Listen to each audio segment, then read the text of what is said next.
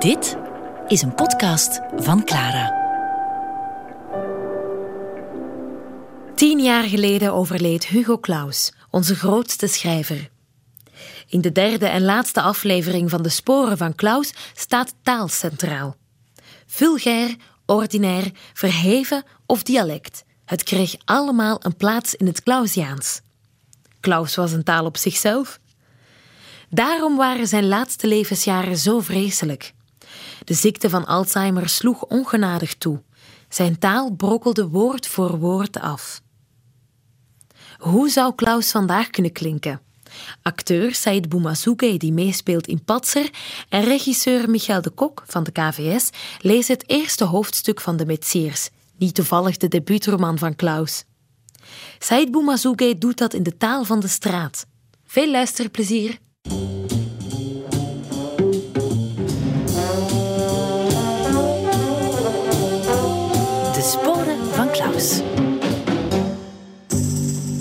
Soms een enkele keer in de radio hoor ik een mooie voice stem die dan iets heel prachtigs leest. En dan denk ik, petoem, petoem, petoem. Hé, hey, mooi. Van mij. Dat herken ik dan. Rond alle andere dingen dat hij was, een filmmaker en een schrijver, schilder. Hugo Claus ook een, een rapper avant la lettre. Hey yo, Jan. Ode aan Jan de Cler. Antwerpse Jan, de groeten van Hugo Claus en Brihang. mm. Het enige belletje dat bij mij gaat rinkelen bij Hugo Claus is eigenlijk het café waar ik in Gent uh, vaak naartoe ging, de Hotzi Totzi. En uh, dat stond bekend als het café van Hugo Claus. Door je kunstig had op te lichten, geur en kleur heeft aan onze gedichten. Ons verrukt, verneukt en ontspoort. Het voetlicht zelfs met je glans bekoort. O Antwerpse Jan, die door uw kunstig gat op te lichten kleur en geur geeft aan onze gedichten. Ik heb dat als rapper bekeken, eh, die tekst. En eigenlijk staat dat vol van dubbele rijmschema's. En ik heb niet veel moeten veranderen om daar eigenlijk een vrij goede raptekst van te maken. Dat ritme zit heel goed. Dat is gewoon zo geschreven als een rap bijna. En al wat dan naamloos is en onstandvastig, grof besnaard, lomp gebeiteld en armlastig. Verbeet je komst, het is aan je verpand. Hij die de deugd trotseert, verblijdt en vermant. O dwingeland van de zinnen, heraut van het onhelder minnen. Omdat gij een lichaam geeft aan onze spoken, hebben wij lelie op de mesthoop geroken. Yo, dwingeland ter zinnen, heroot van onhelder minnen. Omdat hij een lichaam heeft aan onze spoten, hebben we de lelie op de mesthoop geroten. Wow. Peace out, Hugo Claus. Dus ik heb De Geruchten, Het jaar van de kreeft en De koele minnaar. En nu ga ik wel niet anders kunnen dan, dan dat te lezen.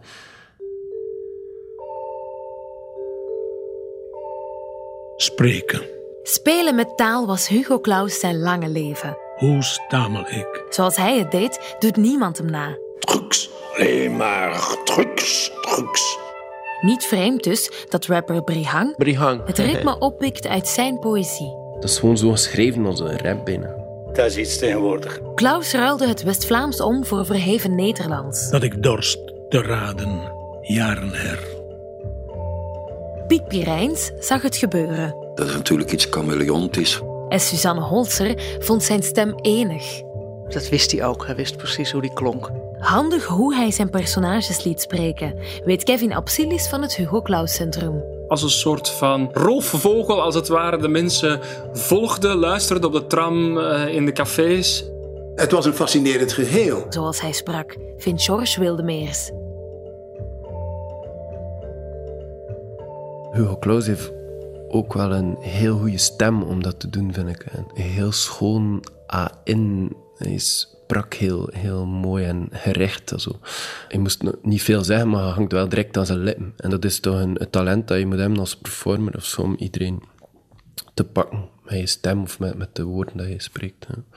Het een beetje denken soms aan mijn opa, zo, die voordat we aan tafel ging zo hoest en zo van, ik ben hier, eh, allemaal even luisteren naar mij. En zo. Hij legt dat like op, zo van, dat je, dat je moet luisteren. Spreken. Hoe stamel ik?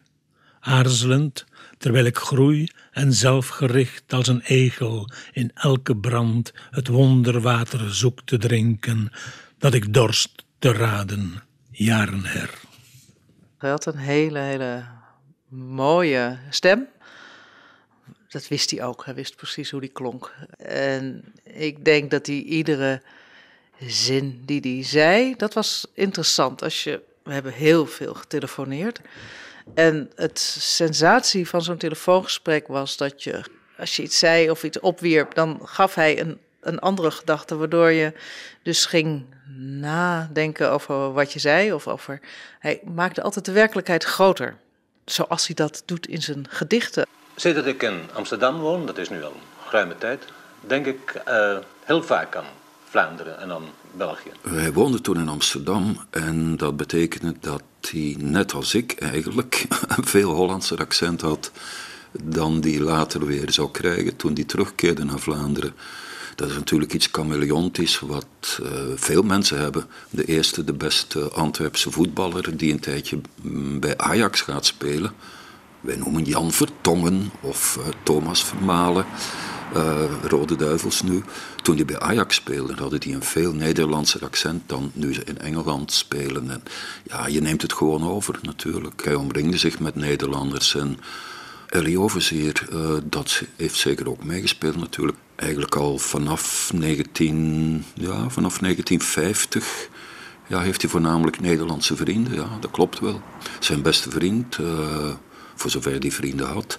Maar zijn beste vriend was Fons Rademakers, zijn hele leven lang bijvoorbeeld. En ik vond dus op dat moment zeker dat Hugo Claus de enige in de Nederlandse taal was die echt bijzonder goed een dialoog kon schrijven. En intussen zijn we bijzonder bevriend geraakt. Hij heeft in interviews dat zelf zo gezegd. En dat blijkt ook uit aantekeningen in dagboeken en agenda's. Dat hij echt als een soort van hamster of een, of een roofvogel, als het ware, de mensen volgde, luisterde op de tram, uh, in de cafés enzovoort. En dat hij bepaalde uitdrukkingen noteerde, uh, manieren van formuleren, verhalen, anekdotes. En die konden zelfs zo in romans uh, terechtkomen. Of zelfs in gedichten, want er zijn ook gedichten die hij in spreektalige registers heeft uh, geschreven. In den Valentino. Dat is een dansing. Ik zit in de Valentino met een doven en de matrozen dansen daar al te houden en vrouw Volk ook. Dat is iets tegenwoordig. En de doven zegt, nog eentje? Ik zeg, ja, nog eentje. En, uh, en, en daar kwamen ze, twee van die dekkenbuffen, zo rond de 50, met vooruren en geschilderd like voor de Traviata. Just mijn mate, zegt de doven. Alle twee en te horen. En, en die twee wuven, ze zeiden het een en ander tegen ons met heldere ogen. En ineens wordt een doven rood en groen. En hij draait zijn eigen om en hij zegt... Allee, kom zeg, kom, hou ze weg. Ik zeg, wij nog eentje? Nee, zegt hij, nee, nee, nee, weet je wat? Die twee, dat is koningin Elisabeth en, en een dame, die, een gravinne van Dinan. Ik heb ze gezien om tof, als ik daar de waterleidingen ben helpen leggen. En nu ben ik beschamd, zegt hij. Uh, je kunt proberen. Ze kennen u niet, klemt er maar op. Maar ik, ik durf het niet. Want ik ben nou voor mijn plaats. Want je weet nooit uh, als je aan de stad werkt. En, uh, en hiervoor mijn plaatsen verliezen, dat toch de moeite niet. Zelfs, zelfs al geven ze een, een kistje sigaren of een horloge. Die twee voor uw moeite.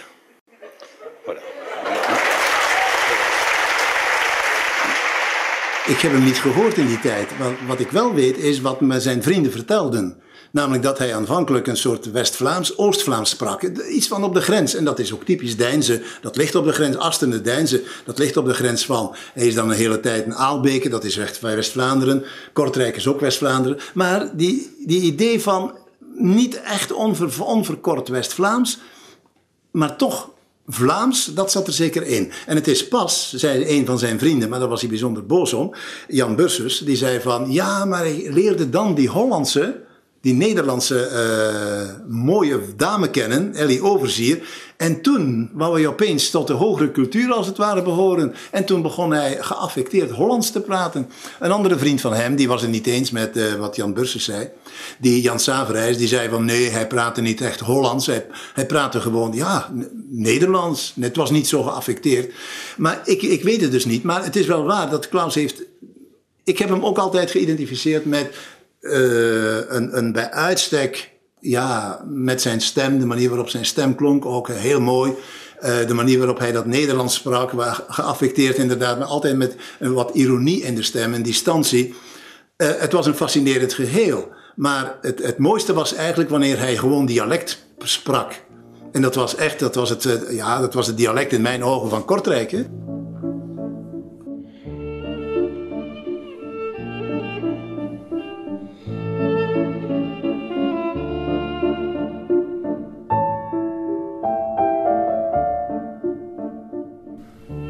Auget trouvé in de tram. Klootzak gaat geweer weg. Waar naartoe? Naar Waterschoot. Naar mijn mama. Uw mama gaat het niet lang meer trekken. Met haar emfyseem. Daarom ga ik. Als zij eraan gaat, uw mama, gaat ge de hand boven uw hoofd kwijt zijn. Daarom ga ik. Gaat ge haar geld vragen voor die Fiat? Durf niet. Ah, gewacht liever tot haar tenen koud zijn. Ja, tenen en leden. Zijt ge niet beschaamd? Ja. Als papa in leven was gebleven. Maria, papa was niet geleerd, maar wel een schone vent. Met van die blozende kaakjes, met zijn wit haar, met briantine, met niet één rimpelke en proper op zijn eigen Leek of dat hij daar lag op zijn sterfbed. Deftig, gelijk een minister. Zegt dat wel. Hij had het hart van een paard. Of tenminste van een pony. Ah, daar is tram 10. Anders alles goed? Een beetje een vizeem. Dat heb je van uw mama. Het zou kunnen.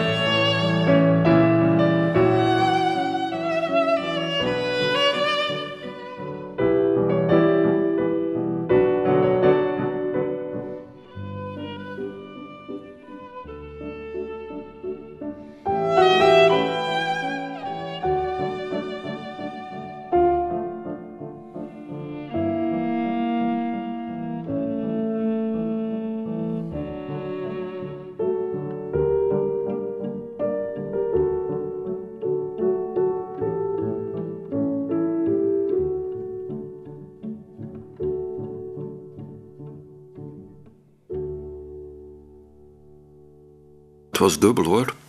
Ja. tegelijkertijd uh, had hij een, een soort misprijzen voor mensen die, die zich niet goed konden uitdrukken. Maar zijn grootste plezier was natuurlijk om dialect uh, te spreken. Uh, in mijn geval was het dan het Gens. En zeker in de latere jaren, je kon hem geen groter plezier doen dan door Gentse grappen te vertellen. Dat, dat, vond hij geweldig. Dat, dat, dat, zat, dat zat heel verknoopt. Uh, zijn grote liefde zat trouwens bij het Gens. Anders dan men denkt. Veel meer nog dan bij het West-Vlaams. Nee, hij sprak niet op de letter. Dat, dat, dat is juist. Dat kost ja niet. Maar, uh, maar, maar een keer in het Groekens spreken, hij vond dat wel plezant. Dat wel, ja. Uh, maar ja, god, tussen twee culturen zat hij natuurlijk. Aan de ene kant inderdaad zijn, zijn Amsterdamse vrienden, zijn zijn, zijn Clausiaans uh, uitspraak. Hij sprak natuurlijk een, wonderlijk, een wonderlijk mooi Nederlands, maar te vergelijken met dat van een paar anderen. Uh, Een beetje, ja, een beetje koplandachtig. Al zouden ze dan niet graag van elkaar gehoord hebben. Want ze waren stikjaloers op elkaar, die twee. Maar aan de andere kant kende hij natuurlijk wel uh, het Vlaamse idioom, zoals gebleken is natuurlijk. En zoals hij het graag in zijn boeken gebruikte. Hij was natuurlijk een provocateur genoeg, denk ik, om af en toe tegen andere Amsterdamse vrienden, om dan het Nederlands net een andere, een andere twist te geven. Dat zou ook nog wel kunnen, maar ik heb het er nooit met hem over gehad. Ik lees vrij veel, in ieder geval denk ik meer dan de gemiddelde Belg. En uh, als schrijver moet je lezen, geloof ik, niet te veel. Omdat je uh, toch met datzelfde medium van de lectuur te maken hebt, met de taal. Nu zou je kunnen zeggen dat een schrijver misschien uh, zijn oor te luisteren moet leggen naar wat er om hem heen gebeurt. En ik geloof niet dat hij dat uitsluitend kan doen, omdat dat taal is als communicatie. Je moet, geloof ik, de taal ook benaderen zoals ze uitgezuiverd is en op zijn best gebruikt door de grote schrijvers. Op dat ogenblik um, was investeerde hij veel energie in de vraag hoe kan ik mijn personages opvoeren zodat het en laten spreken in een taal die tegelijkertijd voldoende realistisch overkomt, als, waren het, hè, dat, dat als personages in een dialect spreken, want dat doen ze dan soms in werkelijkheid. Hoe moet ik dat weergeven in mijn roman? En dat is een vraag die, bij wijze van spreken, hij al een tijdje had uitgesteld. In de Metsiers, een, boek dat, een roman dat zich afspeelt in een West-Vlaams boerenmilieu, daar spreken de, de personages eigenlijk in een vorm van AN, hè, algemeen Nederlands, uh, spreken met je en jij enzovoort. Voor West-Vlaamse boeren valt dat soms... ja, hè, maar Goed, ze, spreken, ze in die mate AN dat uh, Bordewijk, dus toonaangevende Nederlandse auteur die ook recensent was, zich eigenlijk, die heel erg uh, vol lof was over de Metsiers zich wel terzijde afvroeg van ja, maar ik vind het toch wel heel ongeloofwaardig de manier waarop deze West-Vlaamse boeren zich uitdrukken. En natuurlijk, Bordewijk was getekend door het werk van, van, van, van Streuvels enzovoort. En iedereen vond dat boeren dan maar zo moesten spreken. Of althans, dat dat de meest waarheidsgetrouwe manier was, de meest realistische weergave was. Nou goed, dus Klaus had dat probleem een beetje uitgesteld en in de verwondering komt dat opnieuw aan de oppervlakte. En dan begint hij zich af, af te vragen van hoe kan ik met die registers gaan spelen, hoe moet ik dialect weergeven, uh, zonder ook dat het een vrijblijvende imitatiepoging wordt of een soort van gimmick. En hij noteert dan ook op een bepaald ogenblik, het zou eigenlijk een beetje zoals Shakespeare, hè? of ook Faulkner. Dat is eigenlijk zo'n voorbeeld. We gebruiken dialecten en van standaard taal afwijkende registers, maar dat is niet een soort van couleur lokaal, maar hij probeert dan eigenlijk in die uh, registers zelf interessante uitdrukkingen op te zoeken die terzelfde tijd ook allerlei betekenissen geven aan die roman en wat er daar eigenlijk gebeurt. Heel vaak is het zo dat personages bepaalde dingen zeggen, dat ze hun, hun dromen en verlangens uitdrukkingen, die dan vaak hooggestemd zijn, maar de taal waarin ze dat doen, haalt als het ware al die, die grote hoop en die verlangens onderuit. Door het personage, zonder dat hij het noodzakelijk zelf beseft, een beetje belachelijk te maken. Ik dacht, in het toneel moet ik ook weer eerst de wetten verkennen, voor ik ze doorbreek. Dus um, laat ik iets maken wat, uh, wat de indruk geeft van een hedendaags uh, courant uh, toneelstuk te zijn. En het is op een uiterst simplistische manier ontstaan, omdat, ik heb dat waarschijnlijk al veel eerder verteld, omdat ik met mijn moeder en met mijn tante naar een, stuk van Tennessee Williams ging kijken in Gent, in de Schouwburg. En uh, dat stuk was uh, glazen speelgoed van Tennessee Williams. En het was ook de eerste keer dat ik eigenlijk Nederlandse acteurs zag. En dat is een totaal andere ras dan, uh, dan, ja, dan Vlaamse acteurs. Dus het doek ging op. En daar stond Han Bens van den Berg, in die tijd een beroemd uh, acteur. En die zei de woorden, klonk ongeveer als volgt. Drugs, drugs. Nou, dit in de Schouwburg in Gent.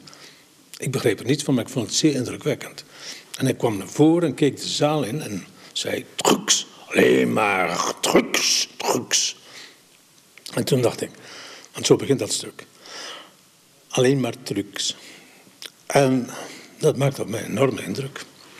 Toen we buiten gingen, zei mijn moeder, die uh, had zitten snikken. En mijn tante ook, met z'n tweeën, met dezelfde zakdoek geloof ik. En toen uh, zei mijn tante, een beetje smalend toen we buiten gingen. Kijk, jij die, uh, naar het schijnt, dichter wilt zijn of schrijver, kijk, zoiets zou jij nooit kunnen. Dat, wat die auteur, met wat die acteurs, dat, ja, vergeet het maar. En als je dat niet kunt, dan ben je geen, geen auteur. Dus wat deed ik? Uh, naar huis. En meteen het plan diezelfde avond. De vier bedrijven. Uh, hoeveel personages. En wat voor, een, wat voor een toneelstuk.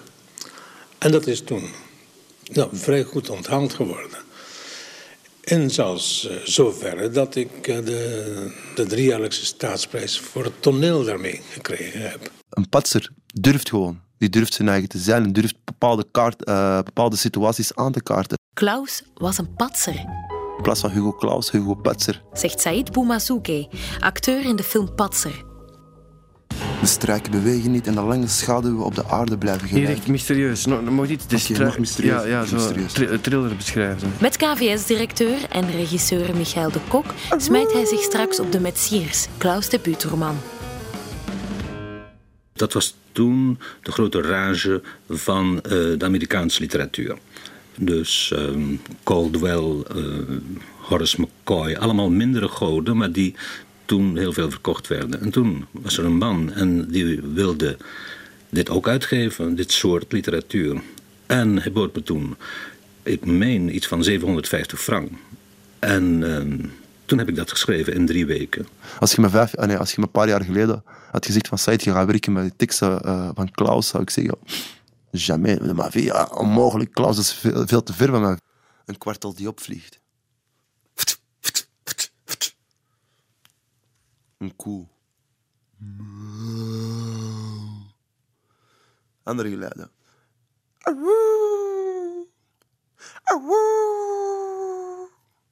Mysterieus. No, mag dit de okay, nog mysterieus. Ja, ja zo mysterieus. thriller beschrijven. De struiken bewegen niet. De lange schaduwen. Struiken Ja. bewegen niet. En de lange schaduwen op de aarde blijven gelijk. Ja, adem en, en zo dat... Ik vloek. Wachten. En blijven wachten. En dan ben ik beginnen zoeken. En ondertussen wordt de nacht maar klaarder.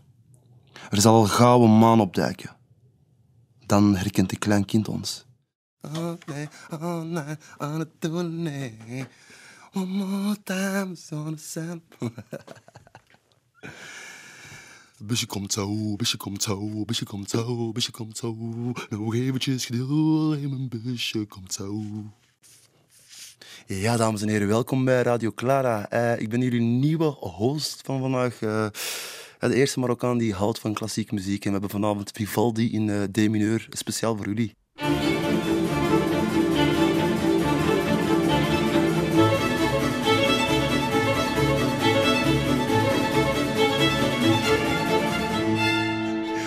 Dank jullie wel, graag gedaan.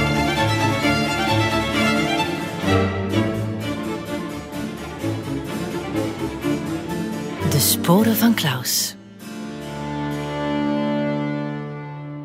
Ik begon heel dapper als een uh, imitator van die Amerikaanse literatuur. En toen gaandeweg dacht ik, god, ik kan het misschien ook nog wat uh, behoorlijk maken ook. Aanpassen aan Vlaamse toestanden. En toen in één keer, goed, na drie weken had ik een boek. Toen hij dat las, vond hij het niet Amerikaans genoeg. Hij vond het niet uh, sexy genoeg, niet gewelddadig oh. genoeg. Het was hem toch een beetje te subtiel. En toen was er in dat moment een uh, soort oproep om mee te doen aan de Leo Krijnprijs. En uh, dat heb ik toen daarin gestuurd. En tot mijn verbazing kreeg ik de eerste prijs. En uh, dat was de uitdaging voor mij. Oké, okay, hoe kunnen we Klaus, van, van Klaus zeg maar een patser maken? uh, in plaats van Hugo Klaus, Hugo Patser. En als ik naar zijn teksten lees en, en hem hoor in de... ja, klinkt Hugo wel als een patser, als een dreddy. Uh, en hoe zou Hugo zelf zijn als je hem laat lopen nu, anno 2018, door de Turnhoutse baan, door de Rue de Brabant hoe zou hij reageren? Hoe zou hij die tafereelen beschrijven? Hoe zou hij de, de gezinnen, de, soms vaak ook kapotte gezinnen, verdeelde gezinnen, hoe zou hij die dan beschrijven? Uh, dat is ja, wat nu vraagt. Allee, dat, dat heeft mij wel enorm uh, geprikkeld en getriggerd. De hele zomer liep hij als een hete hond rond. ons hof. Dat vind ik zo raar zin. Oké, Ja, maar dat is zo Clausiaans. Oké, de hele je- zomer liep hij als een hete hond rond ons hof s'nachts. Oké, de hele zomer liep hij als een hete hof. eh, de hele zomer liep hij als een hete hond rond ons hof s'nachts.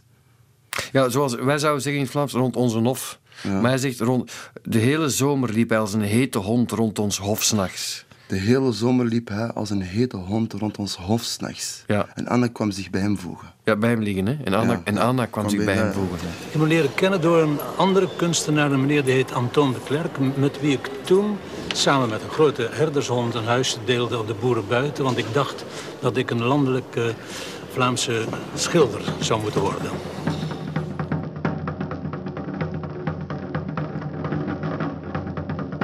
Hugo Claus tekende en schilderde ook. Dat je de- dat katachtige in je pols hebt. En goed, vindt vriend en beeldend kunstenaar Jan van Riet. Ik zie hem meer een begenadigd tekenaar dan een groot schilder. Een gemiste kans. Al dus biograaf Mark Schavers. Het is zo overtuigend vreemd dat men het niet gezien heeft. Te slordig? Vraagt Veerle Klaus zich af. Als hij een atelier had, was het altijd heel rommelig. Klaus is, iemand, een, is een typisch voorbeeld van een, een multitalent.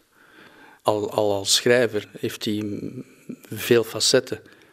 Dichter, toneelschrijver, romancier. Hij beheerste alle genres. En daarbuiten speelde hij met film en was hij een begenadigd tekenaar. Ik zie hem meer een begenadigd tekenaar dan een groot schilder. Maar wat ik hem zag doen met, met penseel en met potlood, vooral met penseel, met inkt, dat was wonderbaarlijk. Ik, ik, ik keek daar met afgunst naar. Voor mij heeft, beheerste hij de, de, de kalligrafie, de directe tekenkunst, eh, sterker dan bijvoorbeeld Alesinski. Ik vind hem een groter tekenaar. En ik heb hem zien tekenen ook. En de, de, de, de bravoure waarmee hij zijn personages op papier zette, was, eh, ik vond dat adembenemend. benemend. Dat is iets dat je. Ik weet niet hoe dat je dat meekrijgt.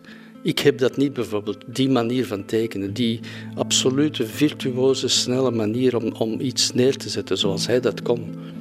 Dan ook dat die schriftuur heel herkenbaar is, dat het een eigen handschrift is. Dat, ik vond dat merkwaardig.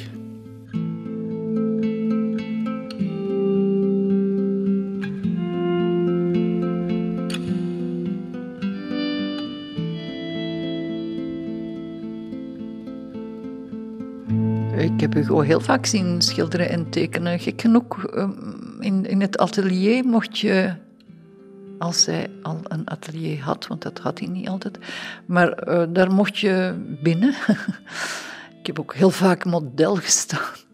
Dus eh, ja, ik heb hem heel vaak zien eh, tekenen en schilderen en, en bezig zijn met plastische kunst. Ja. Heel rommelig. Als hij een atelier had, was het altijd heel rommelig. Niet zoals Bacon, maar hij kon eraan typen. Ja, heel slordig. Tekenen is ook een kwestie van, van pols. Dat kan gewoon met, met, met balans in je gewrichten zitten en hoe, hoe je je hand aanstuurt. Eh, Ik heb daar geen verklaring voor. Dat soort losheid. De losheid die ik heb is niet te vergelijken met die van Hugo. En als ik dat zag, dan was ik jaloers. Ik, mij moeten ze niet zomaar vragen van eh, hier is een potje inkt en een penseel en maak, maak even een tekening. Ik zit niet zo in elkaar. En Hugo die kon ongegeneerd te werk gaan. Ik zou kunnen zeggen, in zo'n goede periode dat hij bijna dan, kon dansen, denk ik. Eh, Met ook met een katachtige beweging kon hij iets neerzetten. De schilderkunst, daar had hij moeten op inzetten. Hè, fantastische dichter, grote competitie voor Klaus ook, maar ook een dubbeltalent. Hij heeft een mooi leven gehad eh, in het zuiden van ons continent, omdat hij zijn, zijn schilderwerk gaan verkopen is. Dat dubbeltalent had hij volgens mij wel. Eh, Een van de laatste schilderijencollecties van Hugo die eh, te boek gesteld is. eh, nam ik mee naar Alesinski toen ik hem ging interviewen. En die heeft daar een half uur, eh, is hij me helemaal vergeten. Heeft hij in dat boek zitten bladeren. En die, die zei van, "Goh, Hugo was een fantastisch schilder. Eh, Dit is zo overtuigend vreemd dat men het niet gezien heeft. Toen dat we de selectie eh, begin hebben gemaakt voor een selectie voor de tentoonstelling in de Zwarte Panter. heb ik eh, het, het genoegen echt gehad om, om, om in zijn kelders te kunnen kijken waar dat die, die werken heel slordig stonden. Heel veronachtzaamd. En toen had je zo'n soort idee van uh, een schatkamer te betreden. Een, een, een Alibaba-gevoel. Van al die mappen waar dat die, die prachtige tekeningen uh, lagen te verpieteren eigenlijk. Dat ik het ene prachtige ding na het andere ontdekte. Ik vond het fantastisch. Dat, dat, dat iemand dat in, in zulke anonimiteit bewaarde. Er was een, kelder in Frankrijk, een, een heel oude, stoffige uh, gewelven. Een, kelder van een, een, een, wat was het, 18e eeuwse meesterwoning. Daar lagen ze, de mappen en de, de, de dozen. Of stonden ze, als ze, wanneer ze ingelijst waren, tegen elkaar. Als je die dan wegtrok, dan... Uh, echt, soms viel mijn mond open. Van, ik herkende dan ook werken die ik kende uit boeken. Uh, die gereproduceerd waren. Bijvoorbeeld zoals het, uh, de, de, ik zag daar het, het omslag van de zwaardvis zag ik daar ineens. Maar dan vooral prachtige tekeningen die ik nog nooit had, die ik echt ook niet kende. Niet wist dat hij dat had gemaakt en zo. En die hij ook herontdekt, maar dat hij al jaren niet meer naar had gekeken.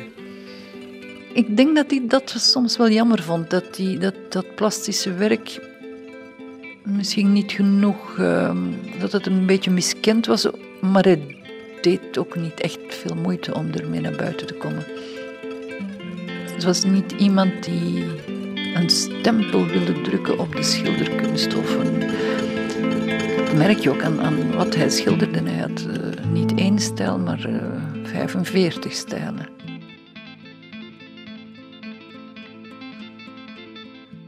Ik hou van die, van die schilders die aan, in de marge bezig zijn. Die, uh, die het eigenlijk voor het oog van de professoren niet zo goed kunnen.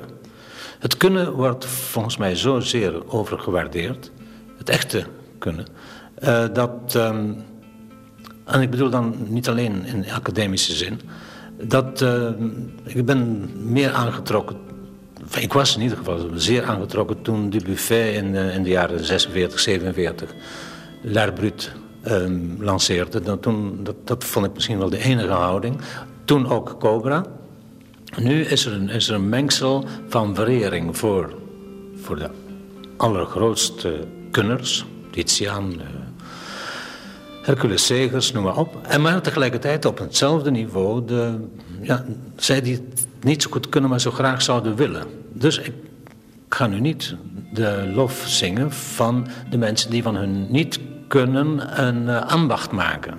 Zo bijvoorbeeld die vreselijke Penk. Uh, of die mensen die, of de sommige leden van Cobra ook, die uh, een cirkeltje maken met twee zwarte puntjes. En dat is dan het, het gezicht van een mens. Nou, de mens is geen, zo, zo geen afbeelding. En zeker niet in de handen van, uh, van mensen die naar de academie zijn geweest. En die uit een uh, rare nostalgie terug willen naar de, naar de wereld van, van het kind, van de primitief. En dat doen met middelen uh, die totaal artificieel zijn.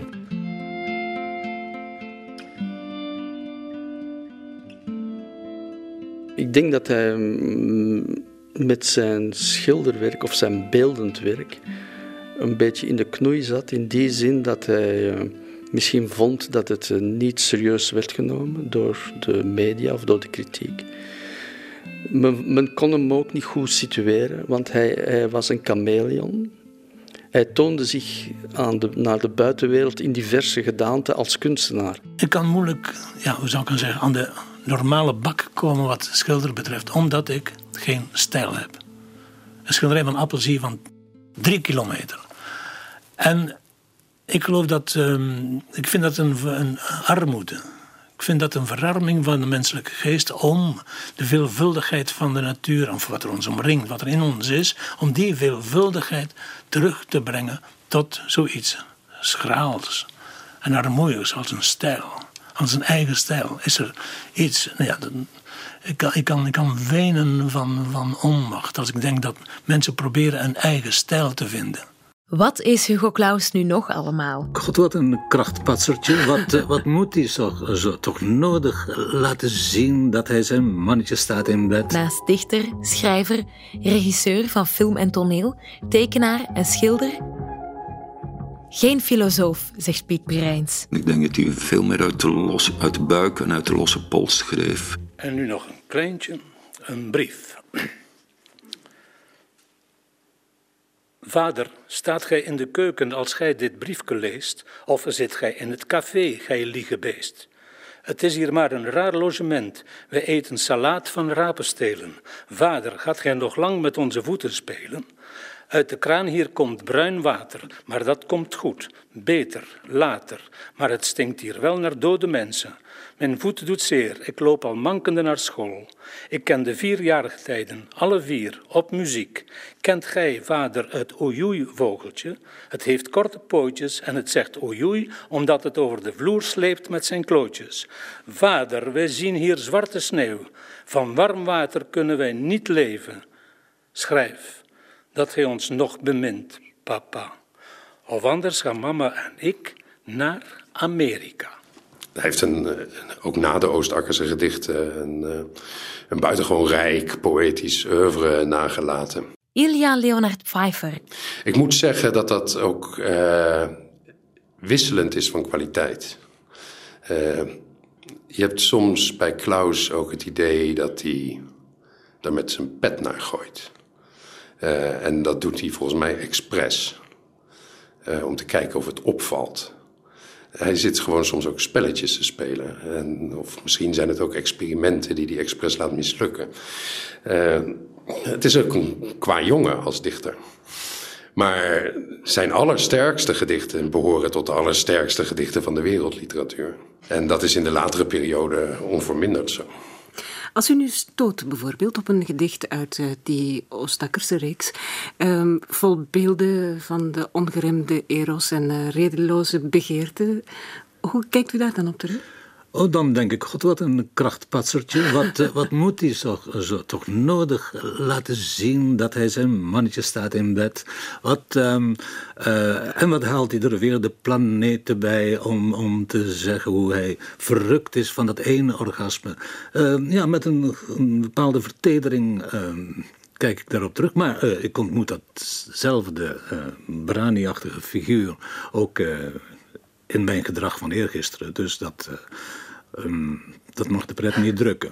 Dus dat is in de loop van de jaren niet veranderd? Dat is niet veranderd. Alleen heb ik gezorgd dat er een klein contrapunt van enige ja, relativering in, in voorkomt. Het is niet meer zo overdadig bruisend. Het is overdadig bruisend plus een... Um, ja, hoe moet je dat nu, nu vertellen? Het is alsof je uh, een hele goede champagne uh, hebt... en dat je daar een black velvet van maakt. Namelijk een beetje van dat hele donkere Engelse bier bij zou gooien. Zodanig dat de bubbeltjes wat minder zijn... maar dat er een bepaalde zwaarte ontstaat in iets wat per definitie licht zou moeten zijn. Ik denk dat Hugo veel minder met introspectie bezig was dan, dan, dan wij zouden denken. Ik denk dat hij veel, veel meer uit de, los, uit de buik en uit de losse pols schreef. Hij hield natuurlijk wel van spelletjes, dat is bekend. En, en, en, Paul Klaas heeft dat allemaal uh, netjes geanalyseerd, hoe de mot in de mythe zat. En, en al die intertextuele verwijzingen. En het is allemaal waar dat hij het cryptogram uh, van uh, de New York Times kon oplossen en dat hij erudiet was. Dat is allemaal waar. Maar hij was geen filosoof, geen denker. hij was daar niet mee bezig op de manier waarop bijvoorbeeld Moedisch daarmee bezig was. Mm, hij bouwde wel aan een oeuvre, maar dat was veel minder consistent uh, in zijn ideeën en in, en in zijn gedachten. Vandaar ook dat hij. Hij verveelde zich zo gauw bij zichzelf, zei hij. En ik geloof dat dat waar is. Telkens als hij iets af had, dan moest er iets totaal anders. Vandaar ook. Wat wel natuurlijk een, een, een, een, de essentie in zijn werk is. Vandaar ook voortdurend dat combineren van het ordinaire en het verhevene, het, het, het laag bij de grondse en het hooggestemde. Dat moest allemaal uh, door elkaar gemengd worden. Maar het moest niet tot, tot, tot, tot een denkpatroon of tot een systeem leiden. Dat, nee, zo iemand was het niet volgens mij.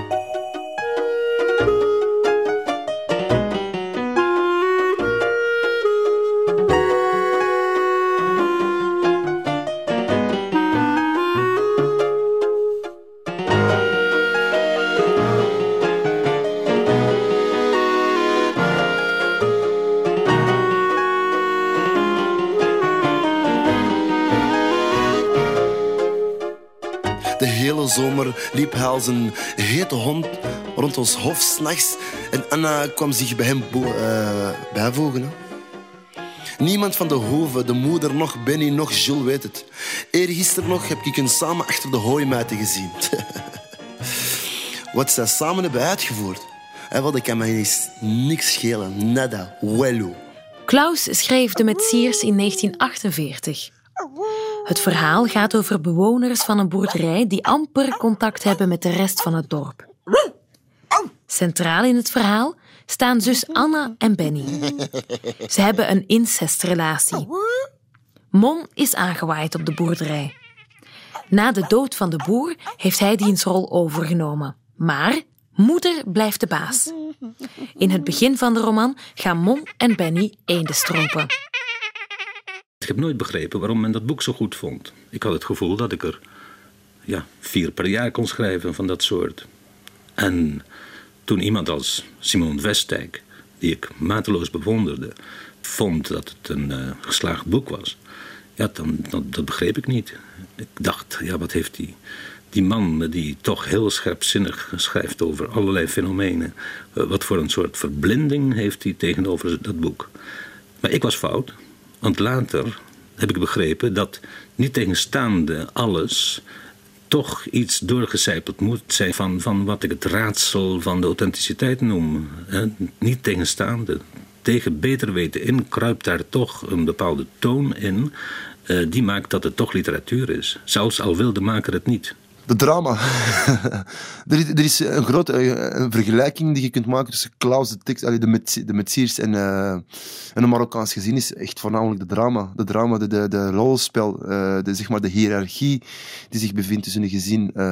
Vaak ook de Marokkaanse vader die vaak, en voornamelijk bij de eerste generatie, vaak hertrouwd was. Een stiefmoeder mee in huis had. Dus, dus die gespannen, zeg maar de spanningen binnen, binnen, binnen een niet normaal gezin is, komt ook vaak bij ons voor in de Marokkaanse gemeenschap. En eh, dat is iets wat zeker niet vreemd voor mij is. Het begin van de Metsiers, met Said Boumazouke, die de taal van het boerenleven naar de taal van de straat trekt. Speciaal gemaakt voor deze radioreeks over Hugo Claus.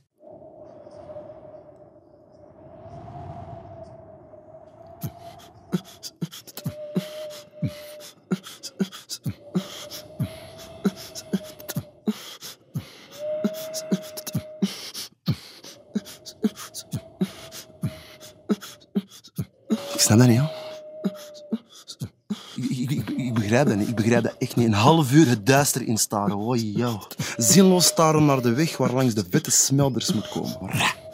Als ik op mijn Casio kijk, doen mijn ogen mij weer pijn. Het zijn tranen van de kille lucht. Het moet langer dan een half uur zijn dat we op die schmetta, op die pastaart wachten. Terwijl wij beiden op ons buik tegen de grond in het vochtige gras liggen.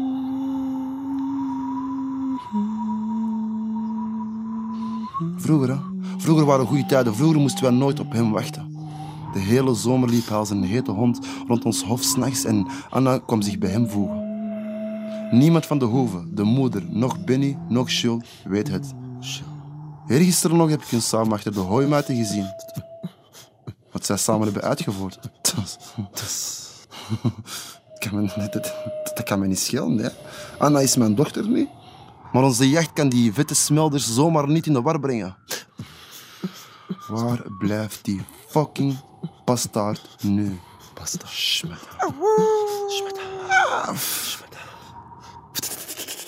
Het kan mij wel schelen. Ja, ja. Ja, ja, het kan mij wel schelen. Wat zijn met een ander uitvoert? Waarom mijzelf nu nog bedriegen? Waarom? Hoe dikwijls heb ik u niet achterna gekeken, die twee? Terwijl ik voor mij mijn vuist balde, tot het vel van de kneukels spierwit werd. Terwijl ik mezelf uitscholde, uitmaakte. Zo, zo, zo, zo, zo, zo, zo. Je bent een slappeling geworden. Mon verkinderen. Zij mij, die grote mon, die Sam haar in de kroon onnozel heeft geslagen, die stroopte onder de neus van Barre, de jachtwachter, die erop losneukte, losneuken, losneuken. Losneuken. Een jongen smaakte in zes erop tegelijkertijd. En dit in haar handen. Alle kwaad komt van haar. Achter mij. Achter mij, waar de strijken dunner en lager groeien, beweegt Benny. Ah, die gast moet zich ook vervelen met dit zinloze wachten. Ik schaaf op handen en voeten langs de grond die ongewoon glad is van de voorbije regens, terwijl ik mijn geweer dicht tegen mij aandruk. Het is een chill gevoel. Als je tegen u zei, dwars door je wollen trui de stalen geweer loopt. Benny! Maar die struiken bewegen niet. En de lange schaduwen op de aarde blijven gelijk. Ik vloek. I'm shit gra. Wachten. En blijven wachten. En dan ben ik beginnen zoeken. En ondertussen wordt de nacht maar klaarder. Er zal al gauw een maan opduiken. En dan herkent een kleine derry ons en kan de oude barre met zaad in de linde jagen. Goed lode zaad uit een jachtwachterskarabijn. Benny.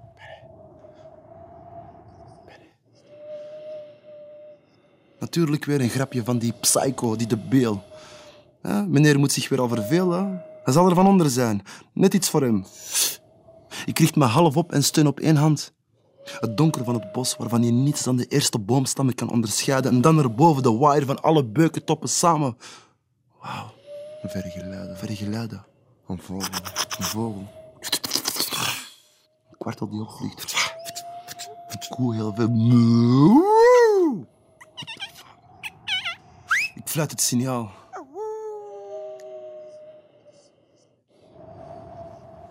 Benny. Benjamin. Ik voel het bloed uit mijn gezicht wijken. Benny heeft mij bedrogen. Hij is er met de vette smelders alleen vandoor. De vette heeft hem meegelokt. De oude laten zij achter. Hij kan criveren rotten in het moras. Laat de oude maar bij de moeder. Hij is er op zijn plaats. De smeerlappen zijn samen weg en laten mij, ik, Anna, Alleen achter. alleen achter. De schmetters. De smeerlappen. De smeerlappen. Nee, nee, nee, nee, wat zeg ik? Nee, nee, nee, nee, nee, nee, nee, nee, nee. Het is, het is onmogelijk. Nee, nee, nee. Het is onmogelijk. Benny zou zoiets niet doen. Zelfs al drong smelders aan. En daarbij, ik heb de vette niet gezien of gehoord, maar tot voor vijf minuten lag Benny nog vlak achter mij dat gekke liedje te zongen. Het is onmogelijk. Dat kan niet. Dat kan niet. Nee, het is onmogelijk dat hij weg is. Nee. Oké, nog eens. Ik fluit nog eens. Hij richt me dan gans op boven de valis uit en, ik geef mijn hand naar de was heel dichtbij en heel plots een geweerschot weer En terwijl ik neerdijk, hoor ik de drogere klik van de kogel die in eender beukenstammen dringt. Ik richt traag mijn geweer. Heel traag. Tussen de korte, dichte takjes voor mij. Er is geritsel. Er is geritsel. Er is, ger- er is geritsel in de struiken tegenover mij. Tegenover mij. Ik hef mijn geweer hoger. Er is iemand verraderlijk dichtbij. De gek roept... "Wai, Meino!" Benny staat plots in zijn volle lengte op. ايوا مون من حشامه ما نخر عندنا عقاش كذا دوك راه صاحبي تو كيش صاحبي idioot zenuwgek bastaard smeerlap debiel kom we gaan naar huis la la la la la la la la la la la la la la zegt Benny je haalt weer domme grappen uit de bil zeg ik de oude barre zoekt mij te lang hij zou te veel pret aan zijn premie hebben moest hij mij te pakken krijgen door die fucking domme grappen نخرعها مون واه نخرعها ja er is een listige, vergenoegd uitdrukking op Benny's gezicht. Zijn mond, die altijd half open staat, steekt begeerig naar voren. Eigenlijk is hij wel een knappe jongen, een patser. Met zijn lange klishaar tot achter in zijn nek, met hele lichte afrokrullen over zijn voorhoofd en zijn weke gezicht met de volle lippen. De lippen van de moeder. Ja, hij lijkt op u, heeft Finn nog gezegd. Ja, oké, okay, het is waar, die lijkt op mij. Maar niet de lippen en ook niet de ogen. Nee. Het zijn haar ogen. Als van een opgeschrikt paard. Haar, ogen van de teef, de khaba, de bitch aan wie ik vastgeketend ben. En alle kwaad, van waar het ook komt, komt van haar. Jelle, we gaan naar huis. La la la la, zegt Benny. Ja, kom, we gaan naar huis, zeg ik. Oké, okay, ineens een graden. Natuurlijk ben ik geschrokken. Oké, wat gaat wel Anna? Ja, ik ga niks zeggen tegen Anna. Komt gewoon mee. En in de graal. Jella. Wat soort kasha? In de duisternis vinden wij de vertrouwde dingen in de keuken terug. Tafel, stoelen, kachel. De dikke gemengde geur van karnemelk en couscous. De shisha-pijpen. Het gebakken brood. Het is doodstil als we binnenkomen. Benny draait het licht aan. De vensterluiken glimmen ondoordringbaar. Op de klok is bijna half drie. We zijn terug in onze vesting. We zijn weer samen voor het verweer tegen het ganse dorp. Tegen iedereen. Ik haak mijn geweer tegen de muur. Het is goed dat we dit samen kunnen doen. Verenigd. Ik hoor zodanig bij hen dat men mij in het dorp Mon van Metsiers noemt.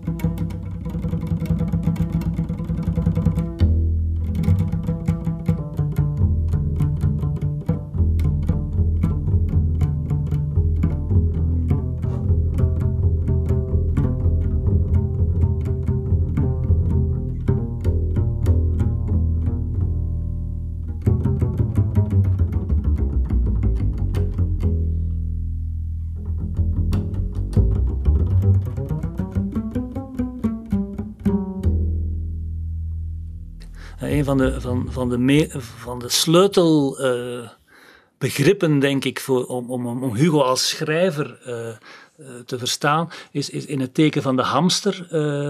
heeft hij het over zijn manier van schrijven, zo ergens tussen een paar moeilijke regels in. van ik zal schrijven, ik parafraseer, verstaanbaar, weerstaanbaar. En het is een beetje een moeilijke constructie op het eerste gezicht, maar uh, het is begrijpelijk. Weerstaanbaar wil, staat hier tegenover onweerstaanbaar. Hè?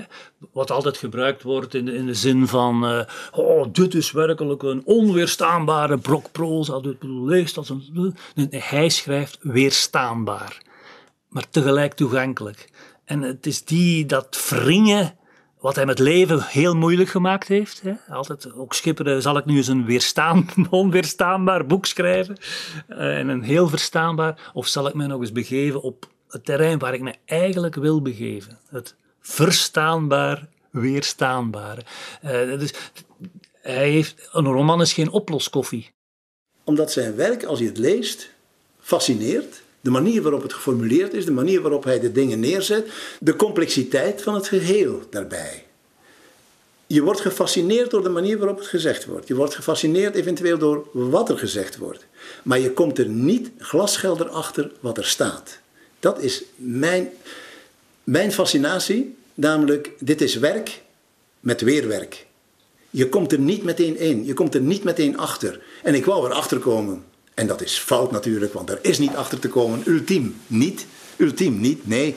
Nee, ik denk dat Klaus ook bij uitstek de auteur is die het raadsel, de rebus, de puzzel, uh, het spel naar voren geschoven heeft als het element wat belangrijk is in zijn literatuur, in zijn kunst. De boodschap, dat er een boodschap zou zijn, tussen aanhalingstekens, dat er zoiets zou zijn als een inhoud die zich probleemloos laat vertalen in, zeg maar, gesproken taal uh, in, in gewone mensentaal.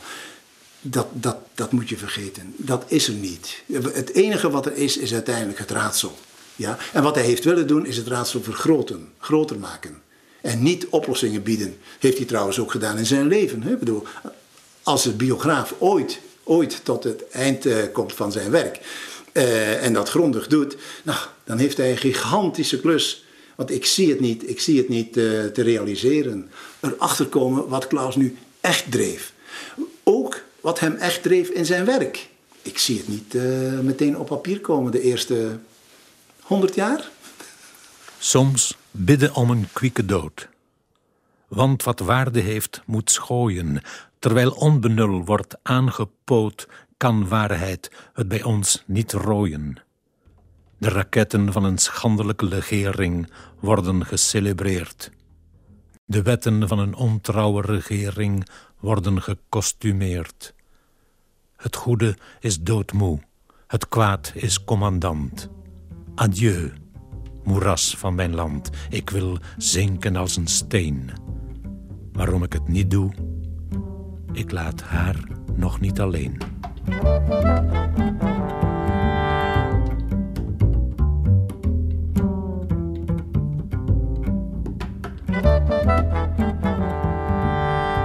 En geld is een belangrijk thema natuurlijk.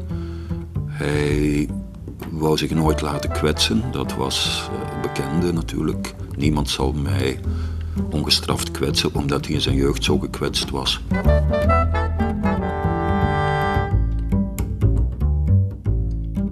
Uh, maar hij was ook van plan om nooit meer arm te zijn.